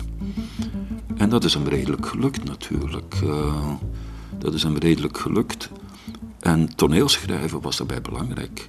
Als je een toneelstuk schreef in opdracht, uh, dan, ja, dan verdiende je veel meer geld mee dan, dan, dan met gedichten natuurlijk. Dat is een van de oorzaken natuurlijk. Al die opdrachten die je later ook aannam om de Leeuw van Vlaanderen te verfilmen en dat soort dingen, ja. Kassa natuurlijk. Uh, Hugo leefde als een seigneur en hij had veel geld nodig en hij moest voortdurend verhuizen. Die verhuismanie die was natuurlijk krankzinnig. Uh, hoeveel adressen zal die gehad hebben? 40, 50 adressen minstens. Dat was genetisch ook, dat deed zijn vader ook al. Dat, uh, dat is een bekend gegeven. Het was genetisch, maar het was tegelijkertijd het, het, het was een soort onrust. Maar het, was, het moest ook altijd maar beter en duurder op den duur. Veel van die huizen, uh, ja, Sylvia Christel was er ook al een, een, een, meester in, werden met winst verkocht. Het waren huizen waar Klaus in gewoond had. Ze werden prachtig gerenoveerd en verbouwd. En dan ging hij weer naar het volgende. Maar ja, geld speelde geen rol voor Hugo, dat, dat zei hij graag. Uh, ja, geld, bedoel, uh, een seigneur staat erboven. Dat zijn dingen waar iemand niet over praat. Maar in, in interviews bijvoorbeeld zou je niets over geld lezen. Niets, never, denk ik. Maar het was wel belangrijk, het moest er zijn, want anders kun je niet zo'n trein de vie hebben. Hij zei, en dat is echt een groot talent, om iets, een beeld op te roepen waar een hele wereld achter zit, wat niet wordt gezegd, maar wat, wat wel impliceert. Mijn redacteur haalt geen koffie, nadat hij drie trappen op had gelopen enerzijds van, ja nee, ik, ik ga jou beschermen om weer die trappen af te gaan en die nederige rol op je te nemen. Aan de andere kant kun je zeggen, goh nee, ik als grootschrijver kan alleen maar een eminent redacteur hebben die toch minstens drie assistenten heeft. één om haar verliezen te dragen en één om, uh, om de koffie voor de auteurs uh, te brengen. En dus dat hoort bij een grootheid als ik. Dus het vermogen om in kleine zinnetjes die, die verrassend zijn, altijd komt daar een tekst uit waarvan je denkt, Ah, omdat daar altijd heel veel aanwezig wordt gemaakt, zonder dat alles helemaal wordt benoemd. Ik heb daar het beeld altijd bij van, van een generatie schrijvers die ik voordien wel eens uitvoerig bestudeerd heb, als Stefan Zweig en zo, uh, Egon Erwin Kisch, uh, de, grote auteurs van de jaren 30, 40. Zo. Dat waren mensen die, er zit op de foto altijd een secretaresse naast en die nog titels aan het tikken was enzovoort. Dus die dienende rol rond uh, Goethe, rond het, het standbeeld, was eigenlijk een, een, een, een cultureel overerfsel dat dat op een andere manier had je ook die gigolo-droom, dat, dat hij nog meegepikt had, de grote kunstenaar werd omringd. En dat heeft hij eigenlijk uh, helaas voor hemzelf nooit meer kunnen opgeven. Ik stel me wel eens voor uh, dat Hugo Claus veel gelukkiger geweest zou zijn als hij die stap van niet naar de computer gaan, uh, die, dat nam hij zich echt voor, want dat, is zo, dat, dat hangt ook samen met die generatie. De tikmevrouw zit daar toch. En hij, voor iedere schrijver, Harry Mulisch heeft dat ook begrepen enzovoort, was, was die, die technologische vooruitgang van, van, uh, van de computer. Dat is een, een, ongewoon groot goed. En dat, daar had hij volop kunnen van profiteren. Al dat gefoefel met die, met die drie, vier versies, manuscripten en zo. Nee, Hugo, niet doen. Gewoon tikken. Uh, dus dat, uh, daar zit hij meer als slachtoffer van die, van die oude mannen, oude kunstenaarsideologie, dat ze zo goed moesten omringen. Hij was ook vreselijk hulpeloos. Hè? Ik bedoel, je, je, hij, heeft, heeft zich dus zelf gekweekt tot een man die niet kon uh, rijden, die, die, die niet kon tikken, die ja, de weg naar het restaurant vond. Een eibakken zal er ook nauwelijks bij geweest zijn. Dus uh, dat is eigenlijk een amputatie door de culturele omstandigheden. Waarom kent u geen gedichten uit het hoofd? Om, omdat ik denk dat um, bij elke gedicht dat ik schrijf, als ik daar langer op zit te piekeren, dan maakt, neemt dat de plaats in van een nieuw gedicht. Dus het is op een hele kinderlijke manier, denk ik, het moet er eerst uit en dan is dat verdwenen en dan is er plaats voor iets nieuws. Maar soms een enkele keer in de radio hoor ik een mooie voice stem die dan iets heel prachtigs leest. En dan denk ik, petoem, petoem, petoem. Hé, hey, mooi. Van mij. Dat herken ik dan. Maar uit, uit mijn hoofd, nee. Ik heb uh, ongeveer 2000 gedichten geschreven. En, uh, en ik kan u geen, uh, geen regel citeren. Sinds lang bevocht de graven Gent de vrije steden... is van iemand anders. Ik heb een kleine afwijking. Althans, ik heb veel afwijkingen. Maar één daarvan is dat uh, als, ik, als het eenmaal gedrukt is en ik zie het... dan wil ik er onmiddellijk iets aan veranderen. Ja. Dus ik heb mijn verzamelde gedichten gepubliceerd, een tijdje geleden. En de gedichten die daarin opgenomen zijn, zijn bijna allemaal... Dan heb ik een klein deukje gekregen. En dat, uh, in mijn verbeelding zijn ze beter geworden. Maar als er nu een tweede of derde of vierde druk komt, dan verander ik het weer. Waarom bent u zo onzeker over wat u op papier zet? Onzekerheid is mijn lot, mevrouw. Ik ben een romantische dichter en ik kan alleen maar gedijen in de totale radeloosheid. Wat zegt u dat weer mooi. Maar wat maakt dat u zo onzeker bent? Dat hoeft toch niet meer? U bent Hugo Claus. Wat moet u nog bewijzen? Wel een enkele keer geloof ik dat, dat ik Klaus ben. Maar ik ril van ontzag en ik geloof het niet helemaal. Ouder worden. Voor Suzanne Holzer deed Hugo Claus dat niet. Hij is nooit één dag ouder geworden dan dat ik hem ontmoette. Maar toen kwam het vergeten. Je hoeft jezelf niet te vergeten. Men vergeet voor jou. Ik wil Margriet zeggen en ik zeg margarine, dat soort dingen. Hè? Veerle Klaus en Hugo's vrienden Jan van Riet, Suzanne Holzer en Piet Pirijns zagen hoe de ziekte Alzheimer hem onder de leden kroop als je leven draait rond taal en je uh, verliest die taal, dat is uh, afschuwelijk. Mark Schavers bewondert hoe Klaus het wegvallen van zijn woorden kon beschrijven. Een van de mooiste quotes van Hugo uit zijn interviews vind ik altijd: Er is weinig waar ik me niet bewust van ben.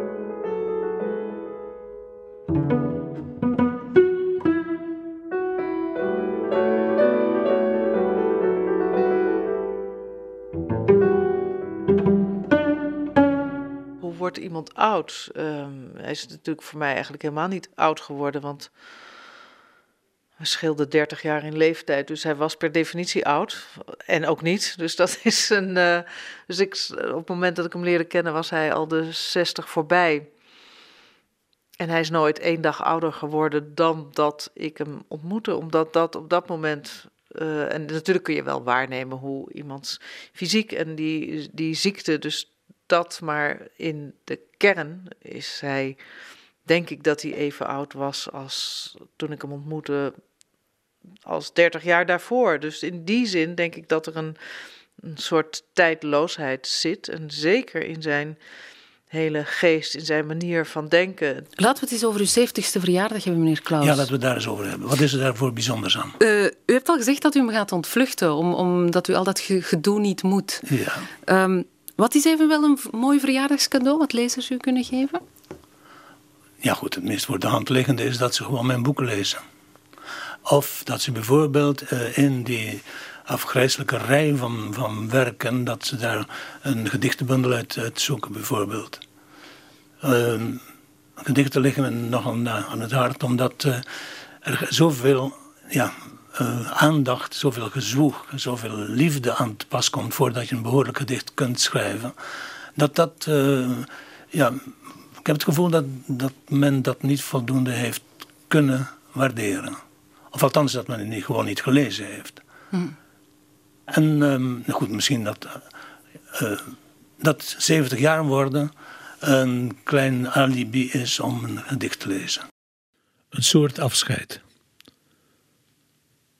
De spoor van een slak. Meer is er niet om te vertellen dan dat ik langsgekomen ben een woensdag. Je hoeft jezelf niet te vergeten. Men vergeet voor jou.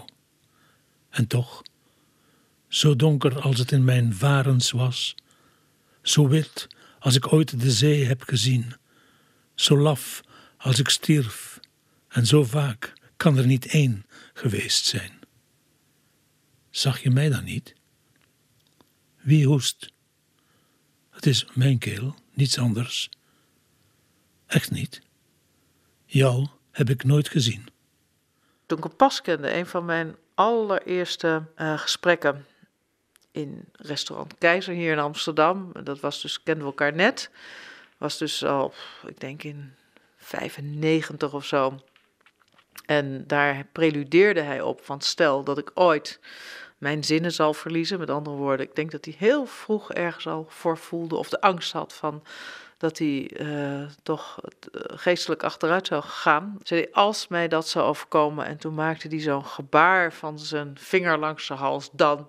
Dus dat was al ja, ongeveer toen ik hem nog maar net kende. Eigenlijk van weet, zo ben ik. Ik ga daar niet mee spelen. Ik ga er dan resoluut een eind aan maken. Eigenlijk begint dat zich toch te manifesteren rond zijn 70ste verjaardag. Niet veel eerder, uh, bij, voor mijn gevoel. Ik herinner me hoe we zijn 65ste verjaardag gevierd hebben in Gent, een select gezelschap. Toen was er in ieder geval nog niets van te merken. Toen ik um, in Caron was voor zijn 70ste verjaardag, toen hoorde ik hem voor het eerst zeggen dat, dat allerlei begrippen hem begonnen te ontsnappen. Dat hij, uh, ik wil Margriet zeggen en ik zeg margarine, dat soort dingen. Hè. En het was toch alsof er ergens. Ik kon nog wel goed denken, maar alsof er in de leidingen die van de hersenen naar het spraakvermogen leiden, alsof daar ergens een, kraan dicht was gedraaid. Zoiets was het, het, het, stokte onderweg. En dat werd vanaf zijn 70ste verjaardag snel heel, heel duidelijk. Daar wilde hij niet mee te koop lopen. Dat, dat, dat, dat werd in de laatste jaren tamelijk pijnlijk, ja. De belangrijkste is misschien wel dat uh, in 1999 uh, gaat hij in de stad Schouwburg uh, in Amsterdam een stuk zien. En Kitty Courbois komt op hem af en hij herkent haar niet. En dat, uh, als je weet wat Kitty Courbois in zijn leven voorgesteld heeft, is dat wel iets waar een mens gaat over nadenken. Het is ook die periode, weet ik uh, inmiddels uit, uit, vele andere gesprekken, situeert zich echt uh, ja, het begin van de Alzheimer. in, in, in, ernstige vorm. Ik bedoel, niet meer het speelregen van oei oei, mijn Alzheimer, ik, ik vind mijn, mijn pantoffels niet. Ik bedoel, echt verontrustende signalen. En die zitten heel sterk in dat verhaal dat die 2000, 2001 dan, dan schrijft. Een slaapwandeling. Daarin vertelde hij mij alleen, hij gaf één zinnetje. Hij zei: Dit boek heb ik geschreven op het moment dat ik uh, in de situatie kwam dat ik Kitty, Kitty Coubois, niet herkende. Ik gaf haar een hand en ik wist niet meer wie het was. En dat was in een vrij ja, beginnende fase van zijn Alzheimer. En die enorme schrik en die confrontatie had hem het idee voor dit boek ingegeven. Of dat was ook het uitgangspunt. Dus veel meer dan dit hebben we er eigenlijk niet over gesproken. Maar door zo één zo'n zin te zeggen, dan weet je, nou, dat zal iedereen weten als je zo'n zin krijgt als voordat je een manuscript gaat lezen, van wat wat dat boek dan moet zijn. Daar, en zo, dan hoeft hij niet meer uit te leggen wat hij daar allemaal bij beoogt om nog eenmaal die wereld vast te houden, te bezweren. Je eigen kunstenaarschap zit dat erin. En alle ja, elementen die daarin zitten, alle uh, angsten, alle wanhoop, alle ja, eh, dat, dat monster van die ziekte, wat hij op dat moment in zijn bek krijgt. Nou, het moment dat je dan als eerste lezer dat hebt en ook aan hem moet laten weten, is het goed? Ja, dan nee. Ja, dan is er niet zoveel meer nodig dan te zeggen, het is goed. Ik geloof dat dat wel dit manuscript was. Dat kwam ik halen in Antwerpen. En ik werd neergezet op een bank. Hij verdween naar boven en Veerle was ergens in het huis. En ik mocht niet weg voordat ik het boek uit had. Dus dat, nou, ik weet nog dat ik na een uur op kousen voeten letterlijk kwam hij de trap af en doemde voor me op en zei: En? En waarop ik zei: Scheer je weg, ik ben aan het lezen, valt me niet lastig. Nou, dan was dit ongeveer, deze twee zinnen zijn er dan gezegd om een redactie te doen van een boek. Wat, wat op zich uh, een heel bijzonder iets is, vind ik. Want uh, er zijn mensen die hun Alzheimer van binnenuit uh, proberen beschrijven hebben. Ik heb zo'n paar boeken gelezen, onder andere een, een Amerikaan, Di Baggio, heel, heel interessant. Maar die vooral ook op het onmogelijke van het verschijnsel wijzen. Van, ja, ofwel ben je nou bewust of, of ja, je kan die, die, het afdalen in, de, in, in, in het niets meer weten, de vergetelheid kan je juist niet genoteerd krijgen. Ik denk dat Hugo nog uh, een, een, een fantastische vorm gevonden heeft om net voor het wegglippen toch nog die, die verbijstering om uh, een afbrokkelend bewustzijn, geheugen, toch nog een vaste vorm te geven in, in, in iets wat leest als een verhaal dat, dat in het verlengde van zijn uiveren ligt en waarvan ook niet opgemerkt is op dat moment. Hé, hey, kijk, wat is daar aan de hand? Een man krijgt Alzheimer. Er is geen, bij mij weten geen woord aan gewisseld in recensies, in gesprekken. Het is allemaal uh, retrospectief dat men gaan beseffen is van kijk, dat spel met die versprekingen, dat spel met de, de waanzin die, die, die toeslaat, is men toen uh, gaan zien. Wat, heel merkwaardig. Dus hij is, een van de mooiste quotes van Hugo uit, zijn interviews vind ik altijd, er is weinig waar ik me niet bewust van ben. Ik dat gaat dus tot in die, uh, in de afbrokkeling van zijn bewustzijn, is hij toch nog bewust genoeg geweest om dat te kunnen integreren in, een, in, een, in een, een, een, een bijzonder mooi verhaal trouwens ook.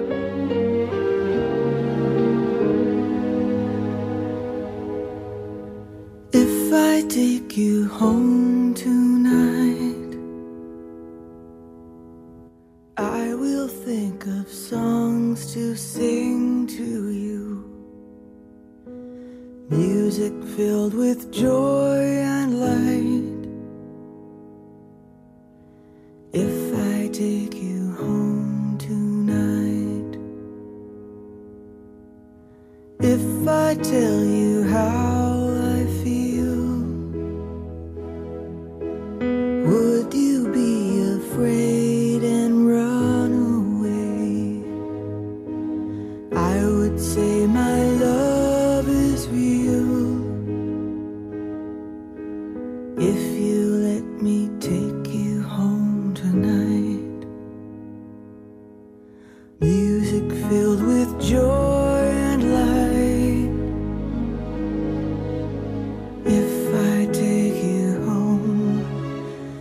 I take you home, if I take you home tonight,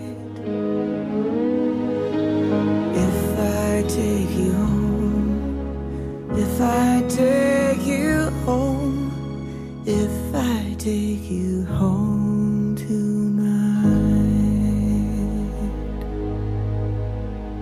De sporen van Klaus.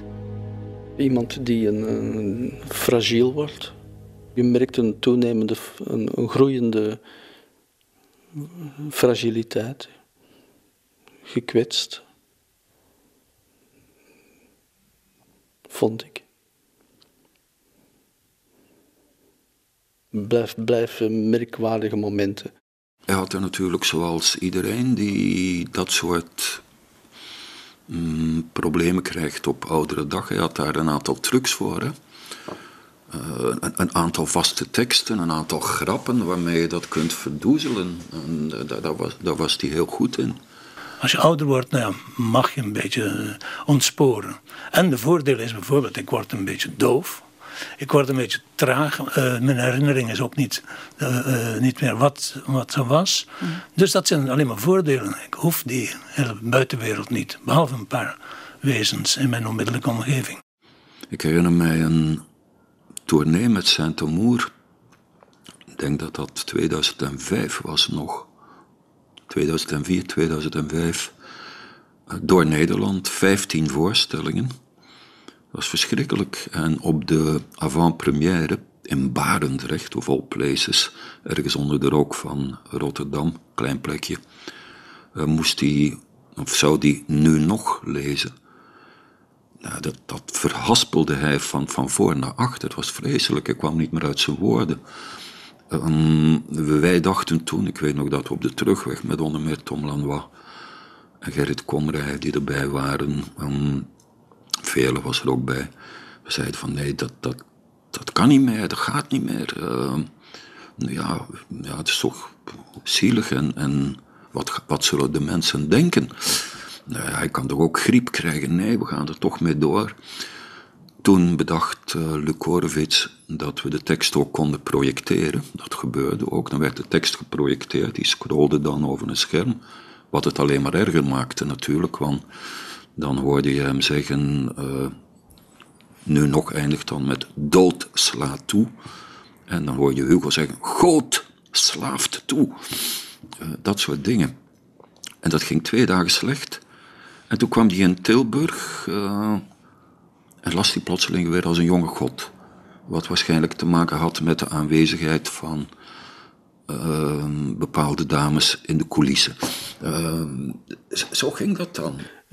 iemand die, die zo met, met, met taal omsprong op, op zo'n geniale manier, die dan moet vaststellen dat zijn taal verschrompelt. Dat zijn alarm, zijn instrumentarium, dat hij dat minder en minder begint te beheersen. Voor zo iemand is het, uh, is, is het uh, nog nauwelijks uh, leefbaar. Zeezucht. De goden zijn kwetsbaar. Ze sterven uit. Al zijn ze nog zo vruchtbaar, wij zien het gebeuren.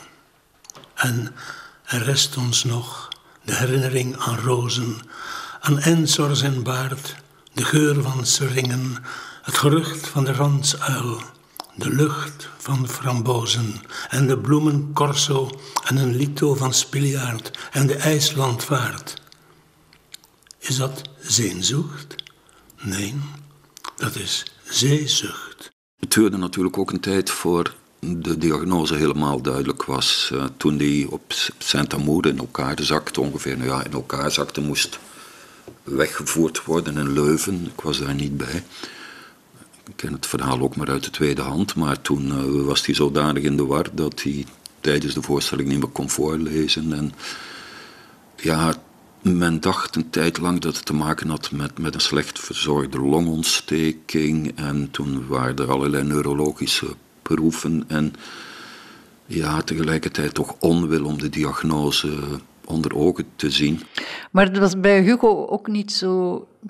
Hugo was uh, soms wel een chaotische geest uh, in het dagelijkse leven, altijd geweest. Hè. Ik heb wel meegemaakt dat hij. Ik stond met de auto te wachten en hij ging een krant kopen. En kwam terug buiten en liep dan, lang voor de ziekte, lang voor de ziekte, liep dan stevast naar de verkeerde auto. Dus had eigenlijk geen benul met welke auto wij reden. Maakte hem ook niks uit. Dus in die zin kon je die ziekte ook niet meteen detecteren, want Hugo liep al eens fout en Hugo stapte al wel eens op een verkeerde trein. Altijd geweest. Er was niet zo'n clear cut. Enfin, ja, ik kon dan op een bepaald moment, zag ik wel dat er echt iets fout was. En, en dan duurt het even voordat je dat durft benoemen. Hè. Dat is heel moeilijk dat was eigenlijk zowel voor hem als voor Nee, de periode voordat je het durft benoemen is, was voor hem en voor mezelf de moeilijkste periode, omdat je je beide weet dat er iets uh, fundamenteel fouts aan het gaan is en dat je, uh, dat je weet als je naar de dokter gaat of naar de neuroloog en er wordt een label opgekleefd, dan is het zo. Tot zo'n bepaald moment duidelijk was. En op dat moment heeft veel uh, een mail rondgestuurd naar de vrienden. Niet je, niet mijtere, uh, dit is er aan de hand. Hugo zal zelf het moment bepalen, dat was toen al duidelijk. Vanaf dat moment werd het niet meer in die mate verborgen. Maar de jaren daarvoor natuurlijk, er, is, een, er is een tijd van een jaar of drie, vier dat dat uh, bleef zweven. Hugo heeft toen die, die blackout gehad in, op het podium in Leuven, met Saint-Amour was dat. En dan is hij in het ziekenhuis beland in Antwerpen. En ik ben toen naar het ziekenhuis gestapt en in de, met het idee van uh, laten we het een beetje minimaliseren. We moeten een, uh, iets doen om, om de aan te moedigen, om, om aan te porren. Zo van, kom aan, uh, wat hij ook altijd zei, niet, niet pleun, dus niet, gaan verder. De phoenix die gaat uit zijn assen reizen, zoiets. En ik heb toen een, een, een boekje gekocht, een, een tekenboekje, een schetsboek. En ik heb daar een titelpagina in getekend, Hugo Claus, Nieuwe Gedichten. En, en ik heb dat toen afgegeven aan de verpleegster, want Hugo sliep. En mijn bedoeling was toen dat, dat Hugo dit zou vinden en dat hij, misschien een heel naïeve gedachte, eh, dat hij terug het woord zou hervinden en dat hij opnieuw gedichten zou kunnen schrijven in dat boekje. Drie weken later waren wij geïnviteerd, Simon en ik, bij Hugo en Veerle om te komen eten. En toen we afscheid namen om naar, terug naar huis te gaan, kwam hij aangedrenteld en had hij iets achter zijn rug verstopt. En toen haalde hij dat boekje tevoorschijn en gaf hij het me terug. En bleek dat hij het helemaal had volgetekend. Niet geschreven, maar volgetekend. Dus met 107 tekeningetjes in. Allemaal even prachtig. Het woord sprakeloos is toen uitgevonden, denk ik. Ik zit nu al maanden te ploeteren op een klein boekje. En enfin, ik ben een beetje ziek geweest. Dus, uh, en ik ben er toch meer door gehavend dan ik uh, eerst vermoedde.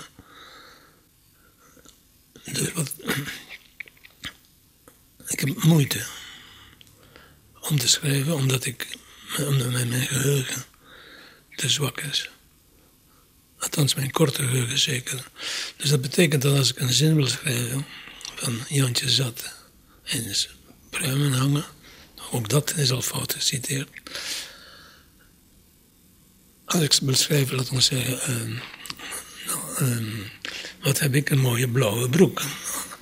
Dan, uh, als ik dan begin te schrijven, wat heb ik. En dan gooi ik van woede mijn, mijn, pen weg. Want wat heb ik gezien? Heb ik een Jantje gezien? Heb ik een blauwe broek? Ik heb helemaal niks gezien. Dus dan moet ik, hoe komt het dat ik het niet gezien heb? Dat komt omdat ik niet opgelet heb. Ja, maar ik kan niet blijven opgelet naast elkaar de dingen uit mezelf rukken. En dus uh, wordt het nog rukken in de goede zin. Ik heb me altijd ongemakkelijk gevoeld met het chaotische. Maar nu moet ik me wel aan overleveren. Is dat pijnlijk of is daar ook mee te leven? Nauwelijks, omdat... Uh, nauwelijks. Maar ik wil en ik zal. Ik ben te koppig. Natuurlijk zou ik veel beter nu op dit moment op het terrasje zitten, achter de wijnvans. En, en met de, taxi naar de, de Provence laten brengen. En mag ik bebetelen om aandacht, mag ik zeggen, laat de koets met de witte paarden even wachten. En dat is waarschijnlijk het laatste wat ik daarover kan vertellen. Dat de witte paarden moeten wachten.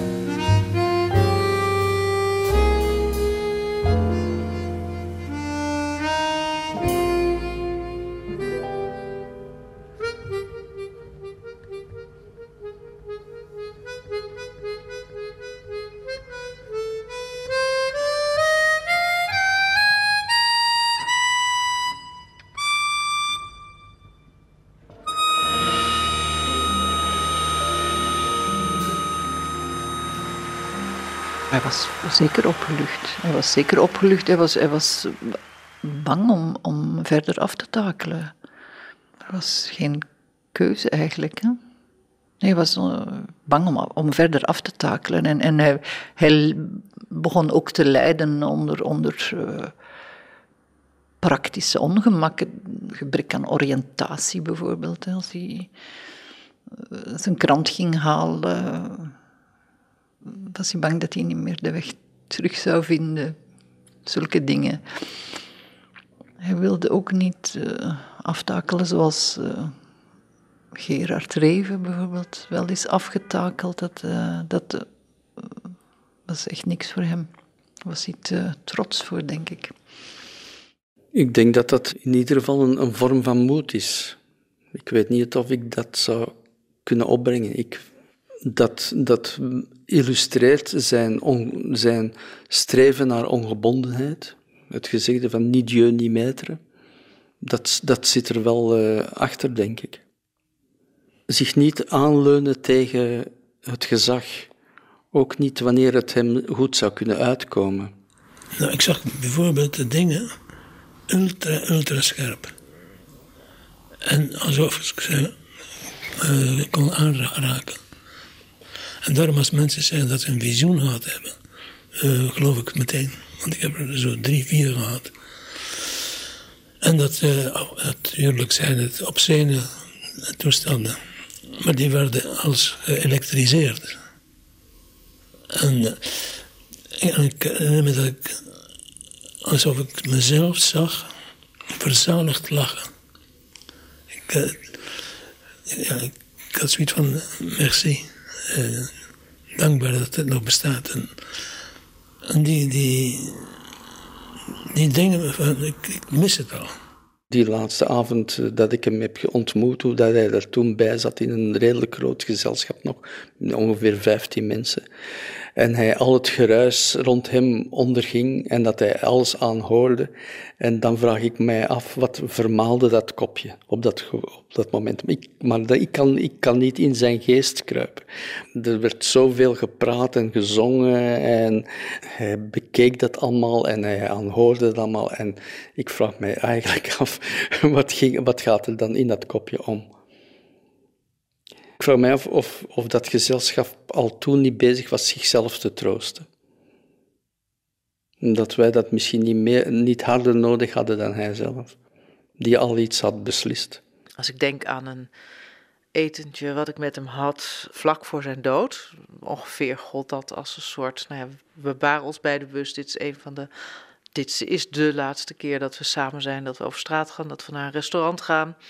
En het grappige was dat we een, moesten terug en naar zijn huis en daar was de weg opgebroken. Dus we liepen daar door dat zand te ploegen. En dat was een, ik weet er, zo oranje lantaarns. Het was donker. Het was echt zo'n krankzinnige avond in zo'n stad die verder ongeveer verlaten lijkt. En dan loop je daar door zo'n woestijn. En eh, ik, eh, alle twee een beetje onhandig. Ik weet niet of ik hakken aan had. En Hugo liep ook een beetje, ja, maar met grote stappen te banjeren. Alsof we op een strand waren of in een woestijn. Het was in ieder geval een krankzinnige situatie. En dat we zo zeiden, Jezus, Beckett. En nou ja, dat je eigenlijk voelt zo dat, dat as I lay dying, dat Beckett, dat, dat totale, die, die langzame stoet naar, naar niks, naar niet vooruitkomend er zijn, zo totaal zijn. En dan bestaat er verder niks. En hoe wordt hij oud? Ja, hij is dus niet oud geworden. Hij is altijd voor mij tot de laatste seconde die krankzinnige, waanzinnige, vitale, speelse, uh, briljante geest geweest. Die, ja, die heb ik altijd ontmoet. Daar is geen slijtage aan. Dat is altijd intact geweest.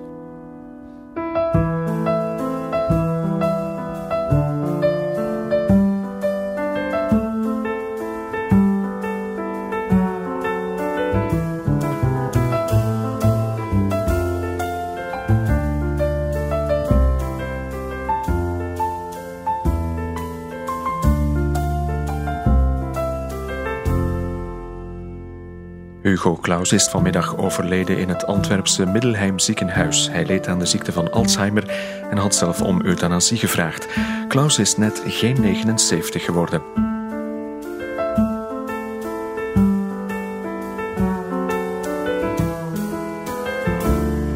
Dat zei hij, heeft hij uitdrukkelijk gezegd: Ik wil niet dat er een, vijf, een, vijf, een, een borstbeeld van mij aan een vijver komt staan, of dat er een straat naar mij genoemd wordt of zo. Nee, dat, dat vond hij allemaal. Dat was iets voor, voor anderen, maar niet voor hem. Hij heeft ook geen graf. Hij is verast, hè? hij heeft geen graf. Dus geen steen of zo. Nee. Ik heb geen steen nodig om uh, aan Hugo te denken. Sonnet.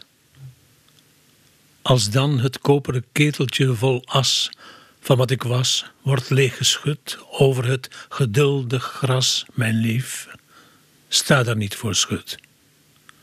Veeg de rimmel van je wangen. Denk aan de vingers die deze regels schreven in onze tijd van verlangen en die je streelden tijdens hun leven. En lach, lach om wat ik was. Onder meer het gesnurk in de bioscoop, de onderbroek die steeds afzakte, de debiele grap en de logge loop naar jou, keer op keer, toen ik je nu warme weelde pakte.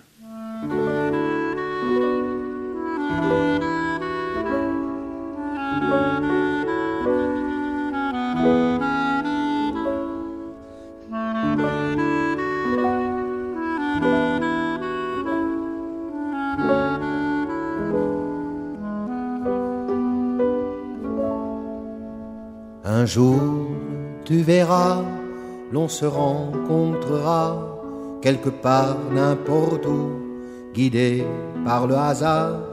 Nous nous regarderons et nous nous sourirons, et la main dans la main, par les rues nous irons.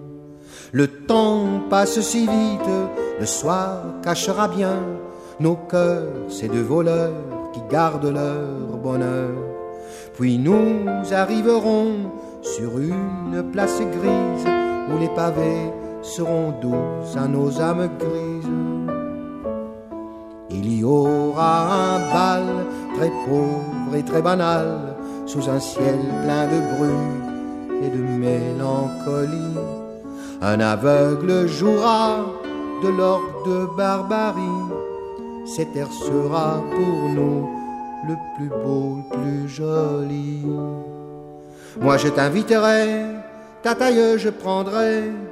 Nous danserons tranquille, loin des gens de la ville. Nous danserons l'amour, les yeux au fond des yeux, vers une nuit profonde, vers une fin du monde.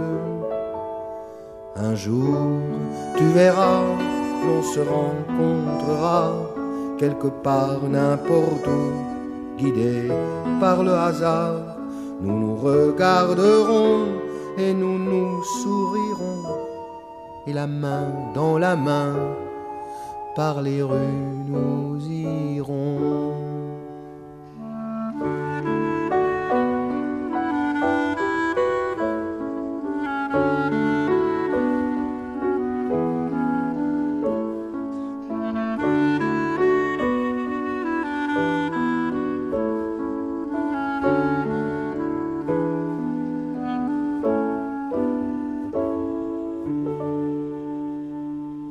En hier eindigt het drieluik De Sporen van Klaus.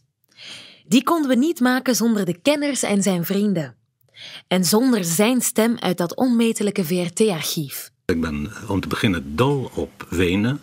Um, als ik naar een hele slechte film ga met uh, als het kindje verloren geraakt of de hond, dan uh, snik ik.